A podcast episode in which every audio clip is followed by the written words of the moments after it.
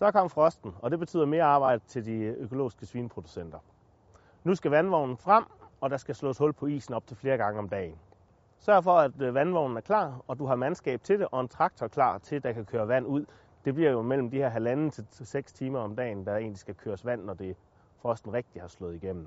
Og en strategi kunne være ude på marken, det kunne være, at det første, man gør, når man er rundt, det er at få banket hul, så søerne har mulighed for, efter en hård nattefrost, at få, få så meget vand som muligt.